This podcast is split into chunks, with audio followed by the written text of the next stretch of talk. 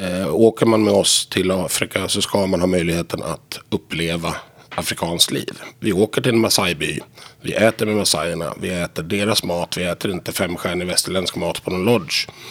Vill man följa med dem ut och jaga med spjut på morgonen, häng på. Så att man får det där genuina, riktiga som alla pratar om men sällan kanske levererar.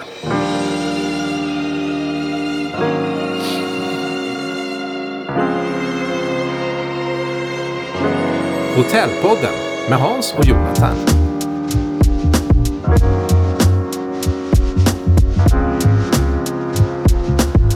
Ja, Jonathan, nu sitter vi här igen med en ny gäst i Hotellpodden.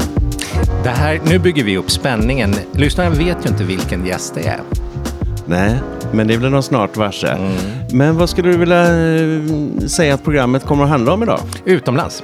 Vi kommer prata utomlands, hotelldrömmar utomlands, entreprenörsdrömmar utomlands, eh, tankar om att växa utanför Sverige. Var kommer den tanken ifrån? Har du varit mycket utomlands och bott på hotell och tittat runt lite? Det var ju den fråga jag hade förberett till dig. Jaha, men då men kan jag vi bara den bägge två. Nej, men, ja, det var ganska mycket utomlands för mig tills jag fick barn. Och Ja. då blev det nog tvärstopp faktiskt. Och sen så blev det en sån här bottenkurva där man inte kom ut så mycket. Och så nu kanske när ungarna börjar växa till sig lite grann, då börjar det rycka igen, liksom att man vill ut. Och du då? Jo, men ända sedan jag utbildade med Miami och bodde där 1986 till 90 och såg att detta växte upp och, och eh, såg de utvecklade hotellen där och byggde om och renoverade och sådär. Va? Miami är en fantastisk stad för hotellbranschen naturligtvis. Jag pluggade hotell och restaurangmanagement där. Så det är en gammal dröm sedan eh, många, många år tillbaks, 50 år tillbaks, 40 år tillbaks i alla fall. Och eh, sen har jag varit utomlands väldigt mycket och träffat många svenskar som eh, är entreprenörer, jobbar i branschen och även skapar sina egna verksamheter. Så att, eh, nej, jag är laddad och tänd för dagens program, den saken är klar. Är du en sån där som sitter på flyget och räknar på fingrarna hur många länder du har varit i?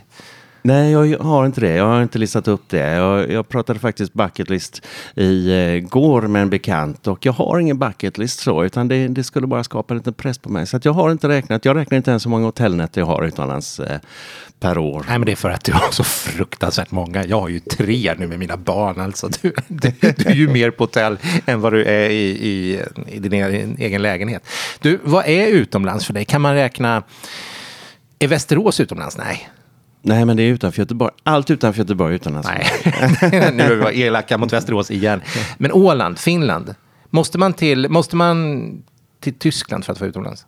Nej, det behöver man inte. Man kan åka till Danmark, man kan åka till Norge. Det, alltså, eh, hotellen har ju olika karaktärer kan man nog säga. Eh, och det beror ju väldigt mycket på, som vi vet nu, att eh, på de som jobbar i branschen och den kulturen som oftast finns i, eh, de lokala strukturerna. Även om de som jobbar på eh, hotell oftast har en internationell bred erfarenhet och kommer från väldigt många olika länder så är det ändå präglas det av eh, den, den nationella karaktären.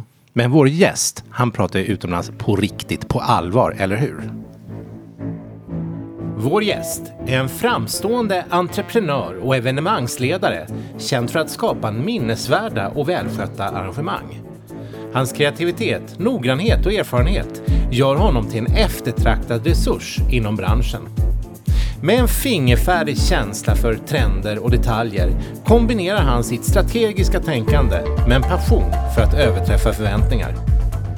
Efter ett fokus på event, hotell och hospitality inom landet vänder han nu blicken utanför gränserna. Välkommen Niklas Bylund. Tack så mycket. Välkommen Niklas. Välkommen Niklas! Tack snälla. Jag har väl sällan blivit så upphaussad som just nu. Nej, men vi gillar att, få våra gäster att må bra. Vet du, vår kompositör här på bolaget, han kom och sa Jonathan, det där är ju inte, det, det där är ju en sportpresentation till typ frågesport. Du är ju helt fel ute. Men jag gillar ju att göra de där, jag tycker det är kul. Ja, ganska roligt att lyssna på själv också. Stämde det? ja, i mångt och mycket säkert. Sen har väl eh, olika människor olika uppfattning om eh, hur, hur jag är såklart. Men eh, jag tycker nog att mycket av det stämmer i alla fall. Jag tycker det är så roligt att ha det här Niklas, för att du har så många perspektiv på hela hospitality-branschen, hela resenäringen och eh, väldigt mycket fokus också då på hotell givetvis, men också event och möten och resandet i, i stort och smått. Och sen så har Flygbolag, rederi. Flygbolag, rederi. Ja, du ser ju. Jag kan ju inte allt om det, uppenbarligen. Men du ska få berätta lite grann, Niklas. Hur, eh, hur hamnade du här? Ja, vi kör väl en eh, kort liten minnesresa. Men eh, vi börjar egentligen när jag muckade från militären. Då ville jag åka skidor. Och det bästa sättet att åka skidor var antingen att vara reseledare eller jobba på ett hotell. Gärna nattetid på en skidort. Så att man kunde åka på dagarna. Eh, och ja, 93 klev jag väl in i resebranschen på allvar för första gången och har aldrig klivit av. Jag har ju bytt spår jättemånga gånger och bytt arenor såklart. Men eh, jag trivs fortfarande väldigt, väldigt bra. Jonathan pratade antal länder och sådär med mig förut. Jag har ingen aning om hur många länder jag har varit i. Vet du hur många länder du har varit i? Och bott i framförallt, för du har ju bott i lite olika länder också. Eh, ja, eh, bott, det är ju definitionen hur länge man ska ha varit där. Men jag har ju gjort några månader i Polen. Jag har ju varit ett par månader i Österrike, Norge. Eh, bott på Island, ett par år i Storbritannien.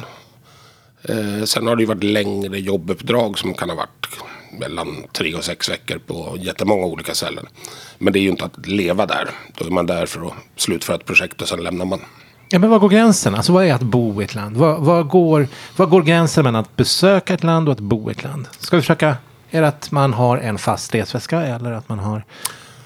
Oh, jättesvårt. Eh, jag skulle nog säga att om man eh, är i ett land utan slutdatum då är väl på något vis att bo där. Ja, den är snygg. Den är jättebra.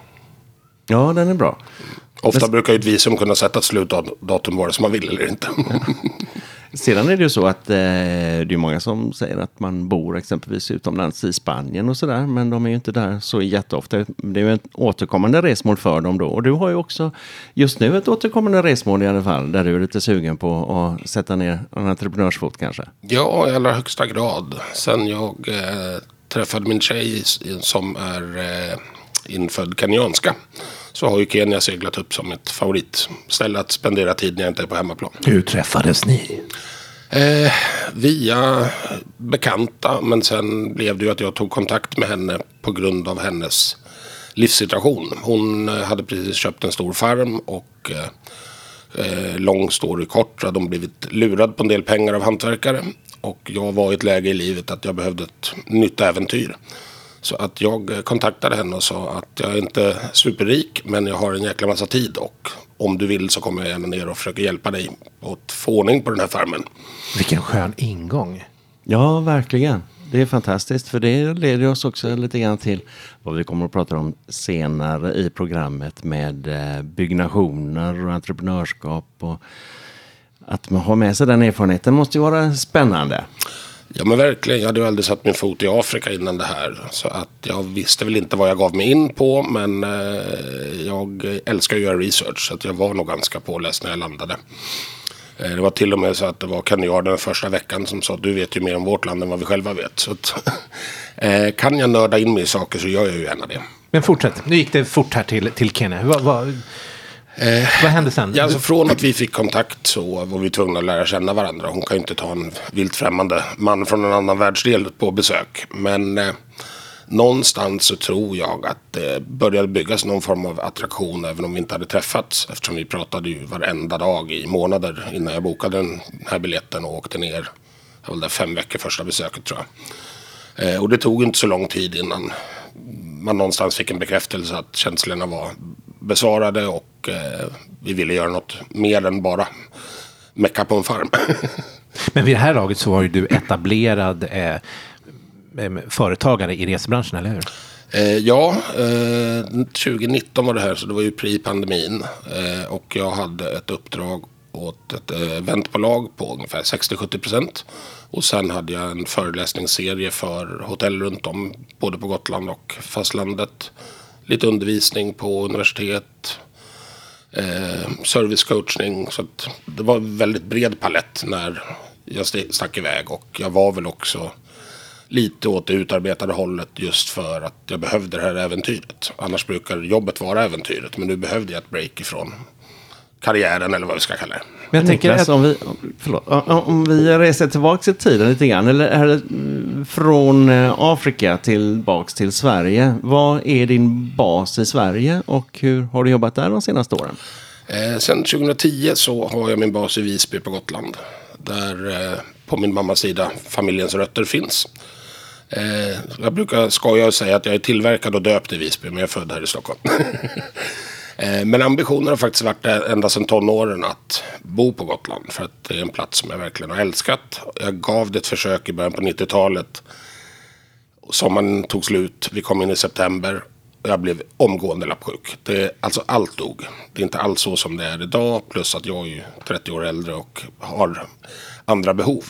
Men en gotlänning klev in till hotellet där jag var, jobbade på den tiden och sa att Niklas, jag har köpt Vemdalens högfjällshotell. Jag behöver någon som hjälper mig som receptionschef. Ska du med? Så då åkte jag till Stockholm, kastade in badbyxorna, hämtade snowboarden och flyttade till Härjedalen istället.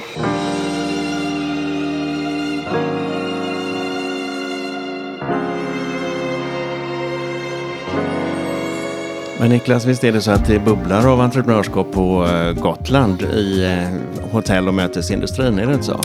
Jo, det får man nog säga. Vi har ju extremt mycket småföretagare och väldigt kreativa sådana. Vi har ju inte alls så många stora drakar. Visst, varumärken finns i form av Clarion och Best Western sådär, men det mesta är ju ändå ägt av gotlänningar eller sommargotlänningar. Underbart. Det, det finns ett par favorithotell på Gotland faktiskt, det måste jag ju säga. Men jag tänker, alltså jag är nyfiken på det där glappet. Jag tänker på alla 19-åringar som lyssnar och tänker, ja men hur gick det till att du när blev du den där entreprenören som var vd för de hotellen och få alla de här kompisarna, de här möjligheterna? Alltså det, det glappet liksom. Eh, ja, vi har pratat rätt mycket om det om några av mina barndomskamrater. För de gick ju spåret högskola, Eh, flickvän, barn, Volvo, radhus, hela kittet. Eh, och vi brukar prata om när jag kom hem första gången efter tiden i England. Då var jag väl nästan 30. Och jag var lite avundsjuk på att de hade den här förortslivet. De hade ganska bra karriärer. De hade liksom allting utstakat. Jag hade två resväskor och en jäkla massa minnen. Men det visade sig att de var lika avundsjuka på mig. Så att jag tror inte att det finns något rätt eller fel. Utan följ hjärtat. Är det viktigt med studier och att det ska vara tryggt och det ska vara eh, den här mallen som vi eh, uppfostrades till. Att så här ser livet ut. Följ den. Men gör det inte. Ta äventyret. Dra iväg. Våga misslyckas. Det tror jag är det absolut viktigaste. Men det är inte varje gång man hoppar på ett projekt som det blir hundraprocentigt. Men du kommer alltid därifrån med någon ny form av kunskap. Förmodligen nya kontakter. Nätverket har blivit än lite större. Så att våga. Det är väl det som är liksom budskapet till de som ska välja väg i sitt liv i 18-19-årsåldern idag. Du pratade lite grann om att du gillar att grotta ner dig och nörda in dig lite grann i saker och ting. Och eh, det är ju det som är en framgångsfaktor även i eh, hotellvärlden och entreprenörskap runt eh, event och så vidare. Ju mer man kan och ju mer du känner till om både gäster och, och eh, destinationer, desto bättre är det. Stämmer det Niklas? Ja, utan tvekan. Eh, det finns väl såklart aspekter där man inte kanske måste nörda ner sig. Men man kanske gör det ändå för att man är den personligheten. Men just när det gäller, om vi tittar på event specifikt. Så håller man ibland på att tappa bort i eventbranschen syfte och mål från kunden. Eh, det blir att man åker iväg och belönar sin personal med en trevlig resa, coolt boende, roliga aktiviteter. Men någonstans investerar man hundratusentals kronor så måste man ju som arbetsgivare, om man inte bara vill belöna såklart, måste man ju någonstans ha satt ut vart vill vi komma? Vad ska de här dagarna ge oss? Ska det ge bättre omsättning, bättre trivsel, eh, mindre personalomsättning? Behöver vi bygga teamet?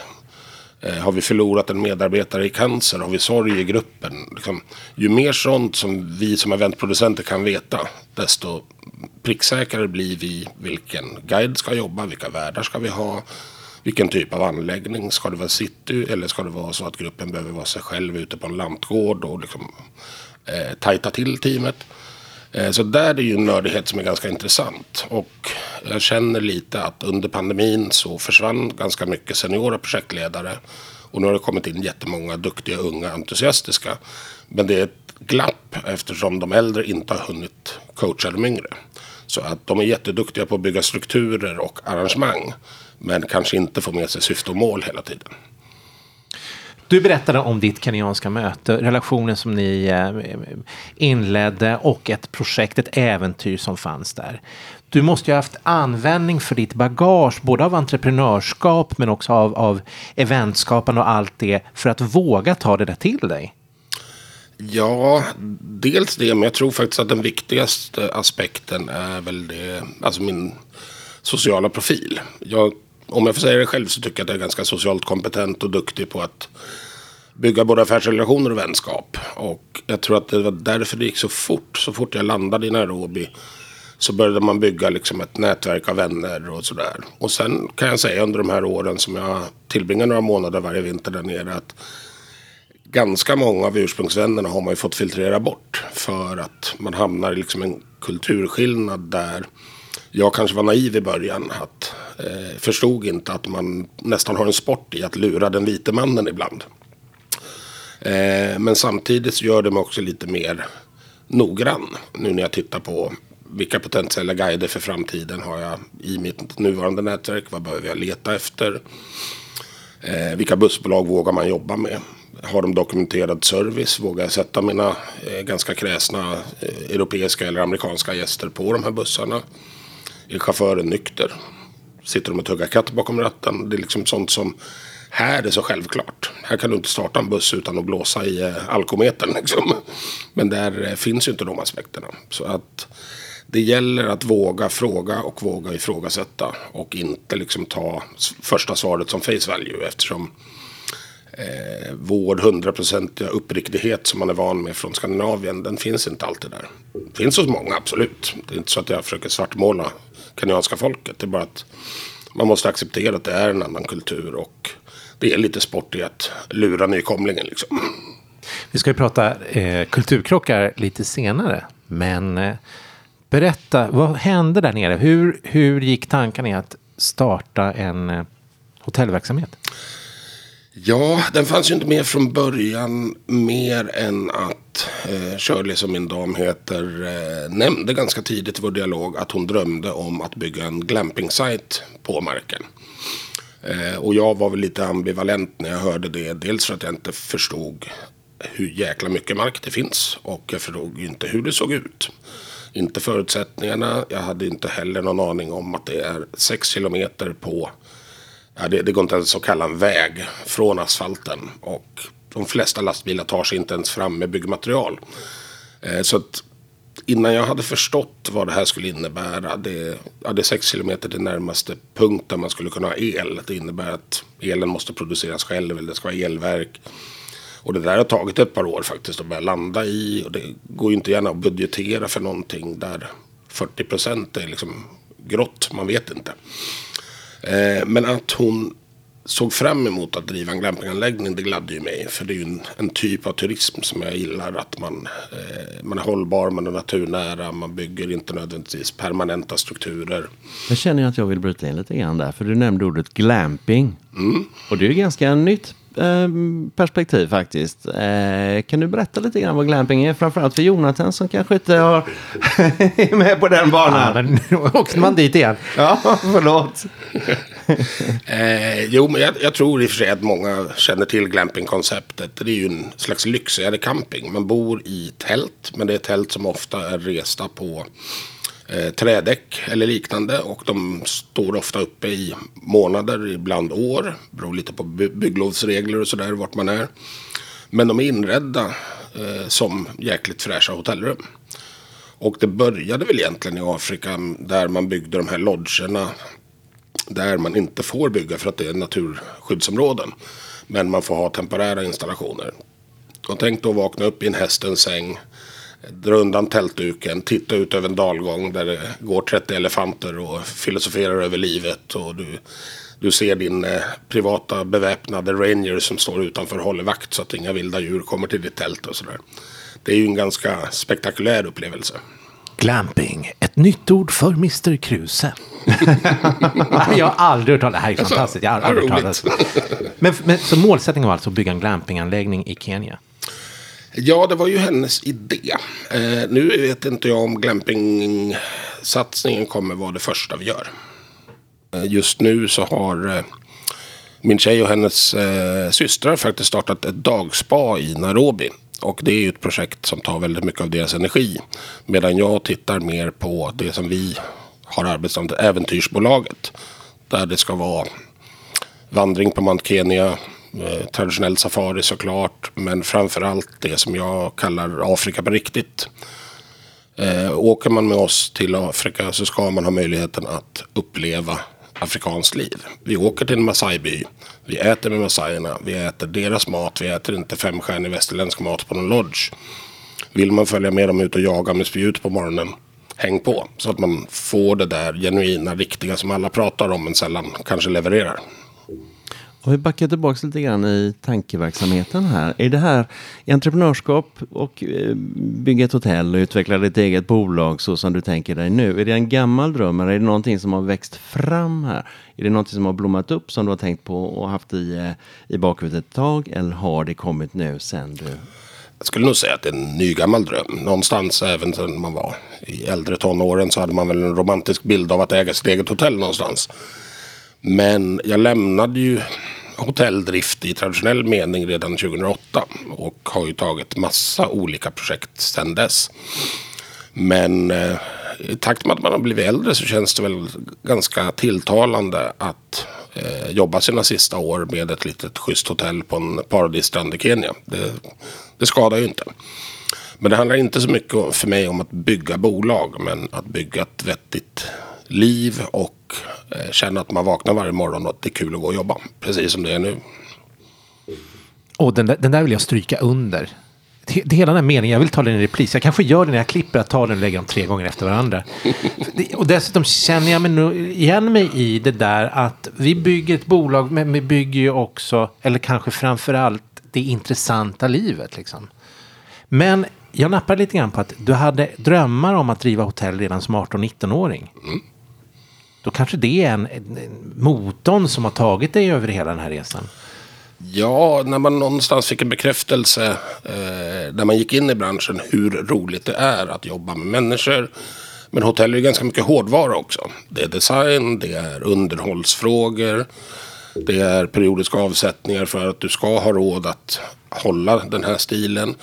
Det är trender. Helt plötsligt så var det inte så coolt att vara minimalistisk utan nu skulle det bli lite mer vildmarkskänsla. Men det kan kosta rätt mycket i både ta in inredningsdesignen men också den fysiska möblemanget och liknande. Eh, och allt det här gjorde ju att jag insåg ganska snart att jag klivit in i något mycket mer komplext än jag trodde. Jag såg ju bara en yrkesroll först men sen såg man ju allting hänger ihop. Eh, och kan man få göra det i vettig skala med eh, sin partner och eventuella barn och eh, en liten kärntrupp med anställda. Då tror jag att man skulle leva ett fantastiskt trevligt liv.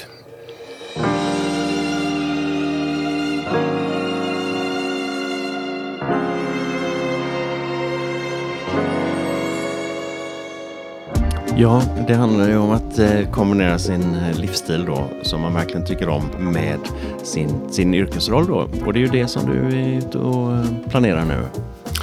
Ja, mycket är ju... Du har ju alltid gjort det i och för sig. Du har ju levt i event och hotellvärlden. Det har jag ju gjort, fast eh, vart jag har levt geografiskt och vilken titel jag har haft och så. Det har ju både varit tillfälligheter men också en inre kravbild. När jag lämnade Eh, det här säsongsjobbandet med fjällvärd på eh, vintern och Gotland på sommaren. Så gjorde jag ju det för att jag kände att jag har inte kommit, eller jag har kommit så långt jag kan. Nu måste jag ha en examen. Jag kände nog aldrig att jag behövde kunskapen, men jag behövde ett papper på att jag har gått på universitet. För att liksom kunna mm, eh, bli hotellchef eller hotelldirektör. Så det drev ju mig till Göteborg där jag träffade Hans första gången. Eh, och jag hade jättetrevliga studieår och jag var så glad att jag var lite äldre student. För det, dels hade jag med mig ett bagage av erfarenheter, ett kritiskt granskande och jag valde att lära mig saker. Det var inte så att jag gjorde som alla andra. Jag följde från gymnasiet rakt in på universitetet. Och jag säger inte att det är fel, men det var så tydligt när vi kom till vårt sista år i Oxford och skulle ta våra examina. Då var vi 18 stycken tror jag skandinaver som kom samtidigt och gick in på liksom samma fas av utbildningen. alla våra studiekamrater, de var 18-19 år, eh, hade aldrig bott hemifrån. Det var fest och party och glam som var liksom fokuset. Och du var 30? Ja, närmare 30. Jag var 27-28 då. Eh, och vi hade väldigt mycket asiatiska studenter, som, eh, framförallt från Japan, som eh, hade råd att betala tuition fees, men de hade ju inga engelska kunskaper. Så det slutade faktiskt att vi fick gå till skolledningen och säga att vi vill göra alla eh, grupparbeten tillsammans. För att fokuset hos engelsmännen, de, det finns inte för det är bara party som gäller. Och vi kan inte kommunicera med våra asiatiska kompisar på den nivån att vi kan skriva en akademisk text. Liksom. Och trots att de initialt sa nej så fick vi igenom det. Så att vi hade väldigt mycket skandinaviska grupparbeten mot slutet. På gott eller ont. Man saknar ju ett perspektiv såklart från den asiatiska eller engelska studenten. Men vi vill i alla fall få med oss så mycket som möjligt när vi ändå investerade i vår utbildning. Men tillbaka till glamping, Kenya, skapa och driva event i Afrika, ett annat land, med en ganska ny relation. Berätta om utmaningarna och problemen. Vad, vad, hur gick tankarna? Ja, ut, utmaningen ser jag väl mest som drivkraften i det hela för att det är spännande. Men eh, jag har ju visat eh, mina vänner och affärsrelationer där nere lite vad event i Sverige innebär. Och de har ju unisont sagt att kan ni göra eller skapa hälften av det du visar upp här nere så kommer ni tillföra något som ingen annan gör på he i hela Östafrika. Och det blev ju en ja, vad heter det, ögonöppnare. Att ja, men här kanske det finns något. Det finns liksom en nisch eh, eh, att fylla. För de som kallar sig eventbolag där nere, de är nästan uteslutande tältuthyrare. Det är partytält för begravningar eller fester och bröllop. Och det, det, är inte event för mig. Det är liksom en underleverantör till ett event. Eh, det andra är väl att eh, jag blir enormt frustrerad när jag är på restauranger i eh, Kenya. Oavsett vem, vilken nationalitet som driver den. För det är så hysteriskt ineffektivt. Och man är så otroligt dålig på att ta hand om sin personal. Man, man ser inte ens vilka i personalen som är stjärnorna. Utan behandlar alla lika och ganska dåligt. Och det är samma då när vi pratar mycket ledarskap och jag berättar hur det funkar där jag kommer ifrån. De tror inte att det är sant. Liksom, eh, och då tänker jag inte på sådana aspekter som kollektivavtal eller fackföreningsrörelsen eller så. Utan bara medmänsklighet. Genom att ge en medarbetare empowerment så växer de. De blir orala, stannar längre, säljer bättre och så vidare. Och det är en jätteutmaning. Inte kanske för att starta ett företag. Men det är en utmaning att få göra lite avtryck. Att när jag väl är i den positionen att ha anställda. Behandla dem som jag hade förväntat mig att bli äh, behandlad. Sen finns det säkert de som kommer försöka utnyttja det. Men eftersom man är medveten om det från början så tror jag det är lättare att hantera. Men din roll just idag, hur långt har du kommit i Kenya? I inte jättelångt ska jag säga i ärlighetens namn. Eh, logotyp för äventyrsbolaget är klar. Det är väl ungefär det. Alltså vi befinner oss mitt i resan. Vad spännande. Ja. ja. Mm. Eh, jag har ju börjat bygga ett nätverk med eh, lite duktiga eh, bergsguider på Mount Kenya. Jag har haft en dialog med, eh, vad heter den nu då? Eh, Kenyanska löparakademin i Eldoret. För jag har en idé om att det är så många svenskar som har börjat motionsspringa. Men jag kan tänka mig att det lockar att åka till Afrika, till världens bästa löparakademi, få träna med, som motionär, världens bästa löparcoacher på hög höjd, på 3500 meters höjd, i kanske en vecka. Sen åker vi på safari med det gänget och så avslutar vi med tio dagar på en paradisstrand ute vid Indiska oceanen. Kan jag skriva upp en på gästlistan? Absolut. Springer du? jag får börja med detta nu. Men du Niklas, det är ju jätteintressant. Du pratade lite grann om trender innan och hälsotrenden och träningstrenden eh, ligger ju som handen i handsken i ditt koncept vad jag förstår. Men du har ju också en bred ett brett perspektiv. När, man tänker Kenya så tänker man ju oftast turism. Men du har jobbat mycket med affärsresande och grupper och, och eh, konferenser. Hur ser du, vilken målgrupp vill du vända dig till främst? Eh, jag skulle nog gärna vända mig mot företag, men jag tror det är väldigt svårt. Dels med det ekonomiska klimatet nu. Eh, också med bilden av svenskar utomlands. Och avståndet. Att åka på en tre dagars konferens och flyga 28 timmar. Det blir liksom. Det är inte hållbart. Det är inte ekonomiskt försvarbart. Och det blir nästan inte trovärdigt. Så att jag ser nog mer att man kommer i egenskap av privatperson. Eh, även om jag hoppas att konferensmarknaden kan växa. Men man får vara lite pragmatisk och se att det, med den miljödebatt som är också att flyga ner, även om det är ganska miljöeffektiva flygplan som trafikerar de här sträckorna.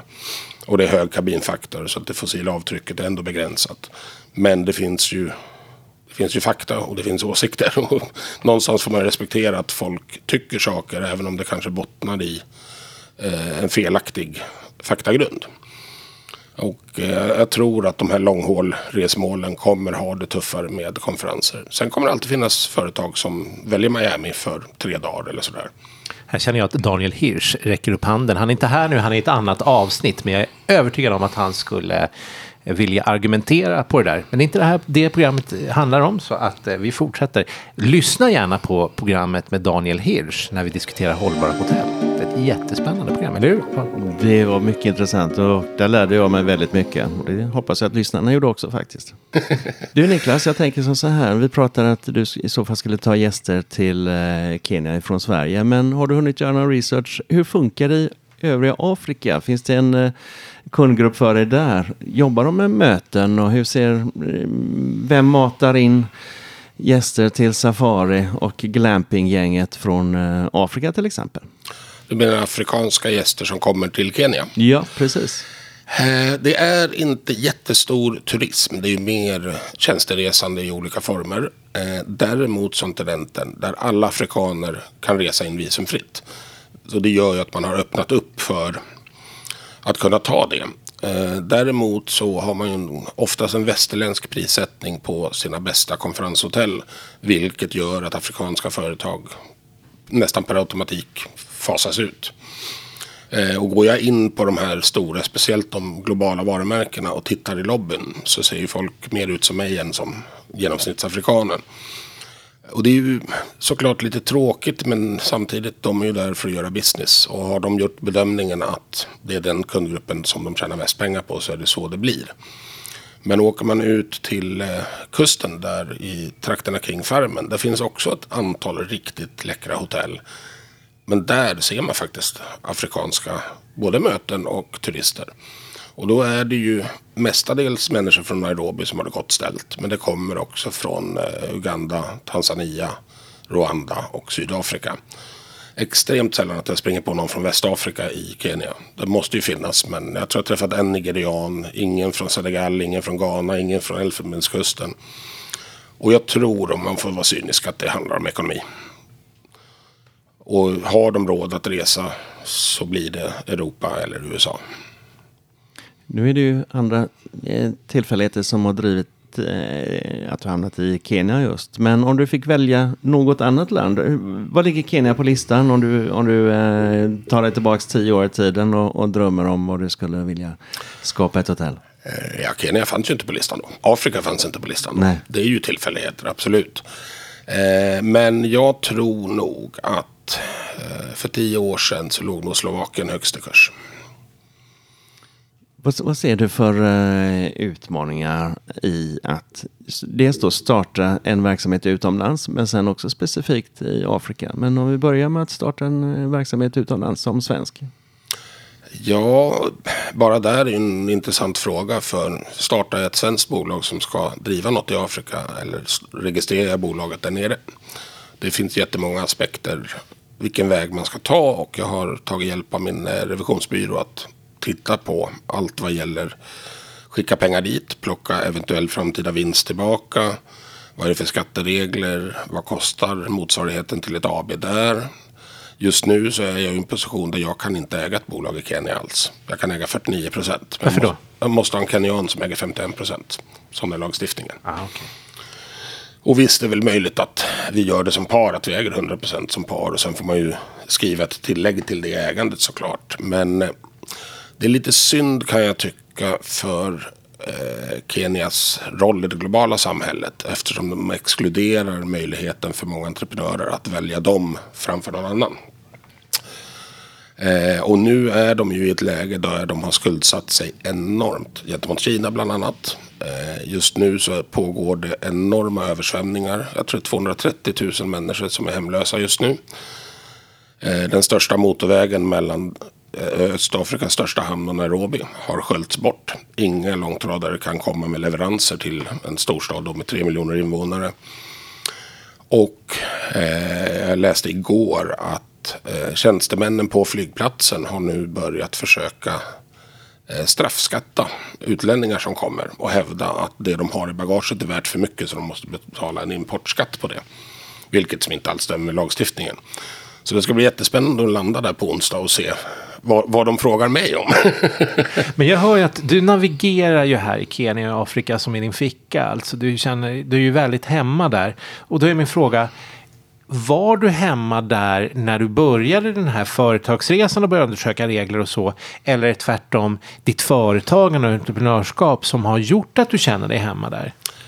Eh, jag skulle nog säga att det är en kombination av båda. Men eh, i och med att eh, det är så stora mörkertal i min kunskap för den marknaden så har jag ju fått göra research. Jag är ju med i flera olika grupper i sociala medier där man diskuterar de här sakerna. Jag har vänner och bekanta som är svenskar som har varit verksamma i Kenya. Både som missionärer, som volontärer och ja, en av mina och Hans vänner har ju varit direktör på ett av de största hotellen i Nairobi. Så det finns ju folk att fråga och det finns ganska mycket online att få fram. Sen har vi organisationer som Business Sweden som är närvarande där. De har sitt största afrikanska kontor i Nairobi. Och det är ingen slump för det är en stor marknad. Det är 53 svenska företag som är verksamma i Kenya under, sitt, under samma varumärke som de har på hemmaplan. Så det finns massor att ta på.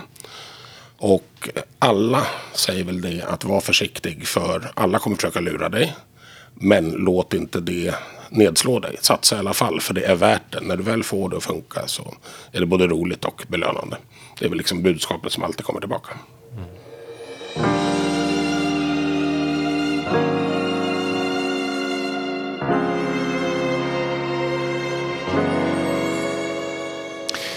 Vi har skrivit upp kulturkrockar som en rubrik. Det är en ganska rolig, ganska charmig rubrik. För ibland så kan man känna sig lite fånig som svensk för att man är just svensk. Och man tror att hela övriga världen är svensk. Och så kliver man ur planet, lär sig om den nya kulturen och så märker man nej, allt är inte som hemma. Har du några tankar? Ja, hur många som helst.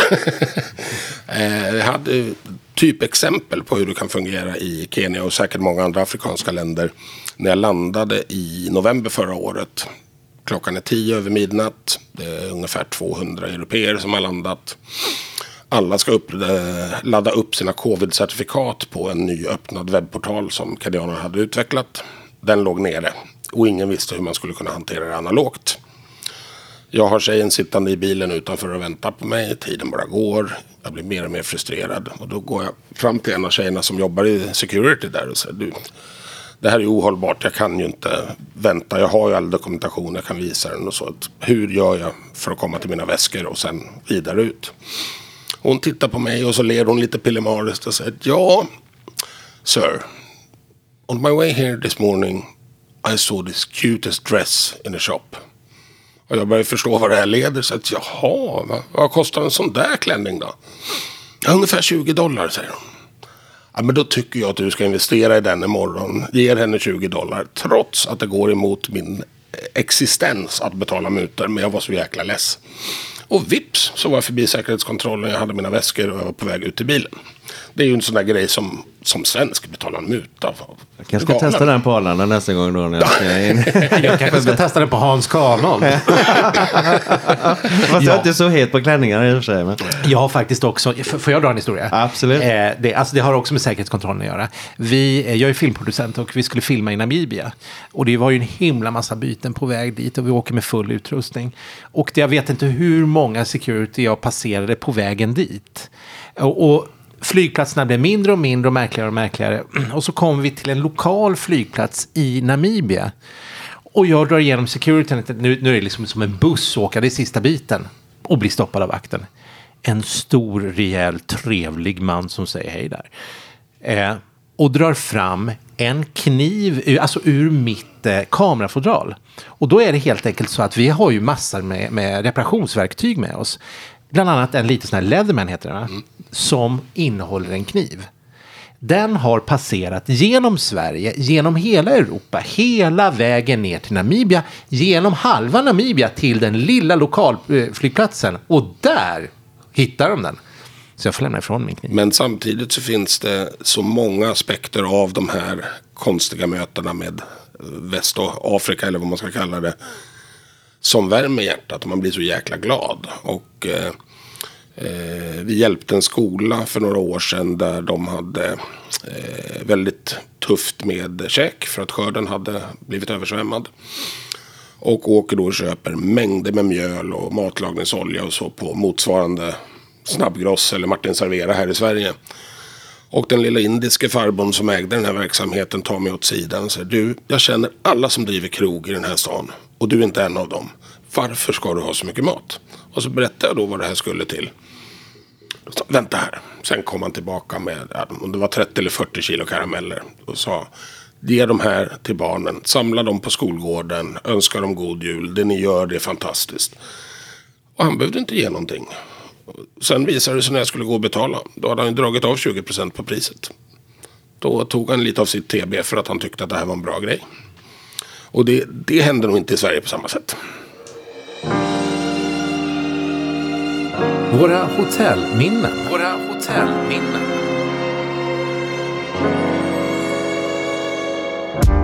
Niklas, vi har en eh, stående programpunkt här som vi avslutar med och det är att alla gäster får berätta om sitt hotellminne.